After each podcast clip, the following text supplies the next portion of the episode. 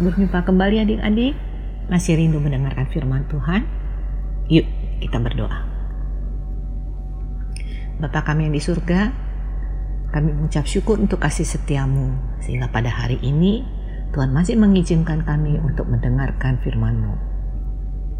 Penuhi hati kami dengan roh kudus-Mu ya Bapa, dan mampukan kami untuk melakukan firman-Mu dalam kehidupan kami sehari-hari. Di dalam nama Tuhan Yesus kami datang memohon serta mengucap syukur. Amin. Kita akan membaca dari kejadian 24 ayat 20 sampai dengan 33 yang berbunyi demikian. Kemudian segeralah dituangnya air yang dibuyungnya itu ke dalam palungan. Lalu berlari ia sekali lagi ke sumur untuk menimba air dan ditimbanya lah untuk semua unta orang itu. Dan orang itu mengamat-amatinya dengan berdiam diri untuk mengetahui apakah Tuhan membuat perjalanannya berhasil atau tidak. Setelah unta-unta itu puas minum, maka orang itu mengambil anting-anting emas yang setengah sikal beratnya dan sepasang gelang tangan yang sepuluh sikal emas beratnya serta berkata, Anak siapakah engkau? Baiklah katakan kepadaku. Adakah di rumah ayahmu tempat bermalam bagi kami? Lalu jawabnya kepadanya, Ayahku Betuel anak Milka, yang melahirkannya bagi Nahor.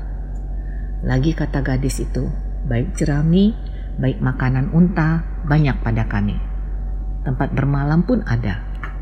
Lalu berlututlah orang itu dan sujud menyembah Tuhan serta berkata, Terpujilah Tuhan, Allah Tuanku Abraham, yang tidak menarik kembali kasihnya dan setianya dari Tuanku itu. Dan Tuhan telah menuntun aku di jalan ke rumah saudara-saudara Tuanku ini. Berlarilah gadis itu pergi menceritakan kejadian itu ke rumah ibunya. Ribka mempunyai saudara laki-laki, namanya Laban. Laban berlari keluar mendapatkan orang itu ke mata air tadi. Sesudah dilihatnya anting-anting itu dan gelang pada tangan saudaranya, dan sesudah didengarnya perkataan Ribka saudaranya yang bunyinya, Begitulah dikatakan orang itu kepadaku. Ia mendapatkan orang itu yang masih berdiri di samping unta-untanya di dekat mata air itu dan berkata, Marilah engkau yang diberkati Tuhan, mengapa engkau berdiri di luar Padahal telah kusediakan rumah bagimu dan juga tempat untuk unta-untamu. Masuklah orang itu ke dalam rumah, ditanggalkanlah pelana unta-unta, diberikan jerami dan makanan kepada unta-unta itu, lalu dibawa air pembasuh kaki untuk orang itu dan orang-orang yang bersama-sama dengan dia. Tetapi ketika dihidangkan makanan di depannya, berkatalah orang itu, "Aku tidak akan makan sebelum ku sampaikan pesan yang kubawa ini? Jawab Laban, silakan. Adik-adik, di dalam bacaan kita tadi diceritakan bagaimana seorang hamba yang diutus oleh Abraham untuk mencari seorang wanita agar dijadikan istrinya bagi Ishak, anak Abraham.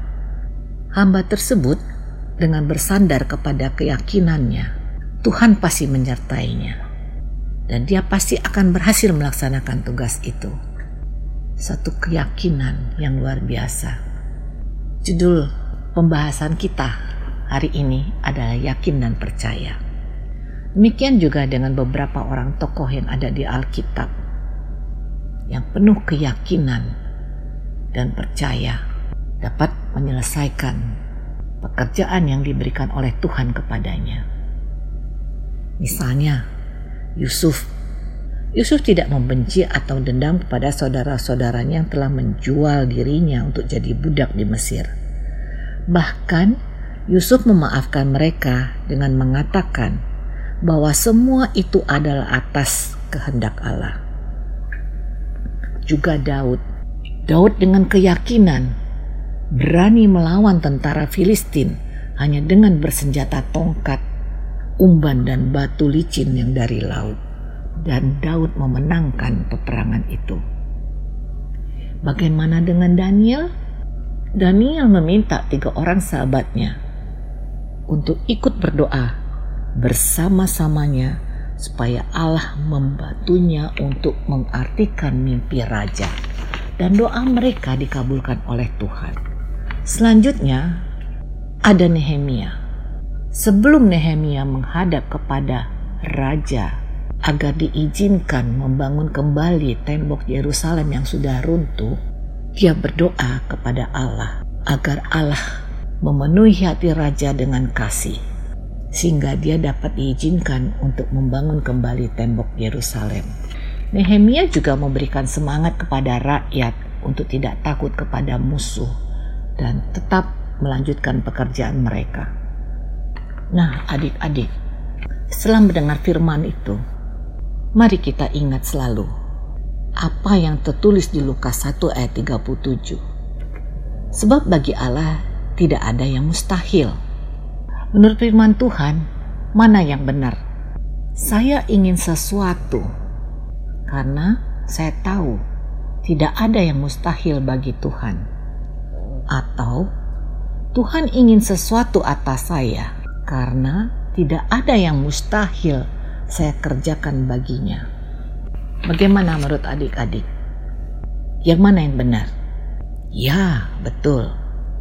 Yang kedua, Tuhan ingin sesuatu atas saya. Tidak ada yang mustahil saya kerjakan baginya. Lalu, apa doamu untuk pertanyaan yang pertama? Saya memohon agar Tuhan menolong merubah pola pikir saya untuk lebih mendahulukan mencari kerajaan surga untuk kemuliaan Tuhan. Karena dengan doa, keyakinan, dan kepercayaan yang kokoh, Tuhan pasti memampukan kita semua melakukan apa yang menjadi tanggung jawab kita.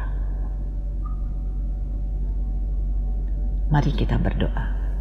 Bapa yang di surga, terima kasih karena Bapa menolong kami agar dapat mengikuti kehendak-Mu.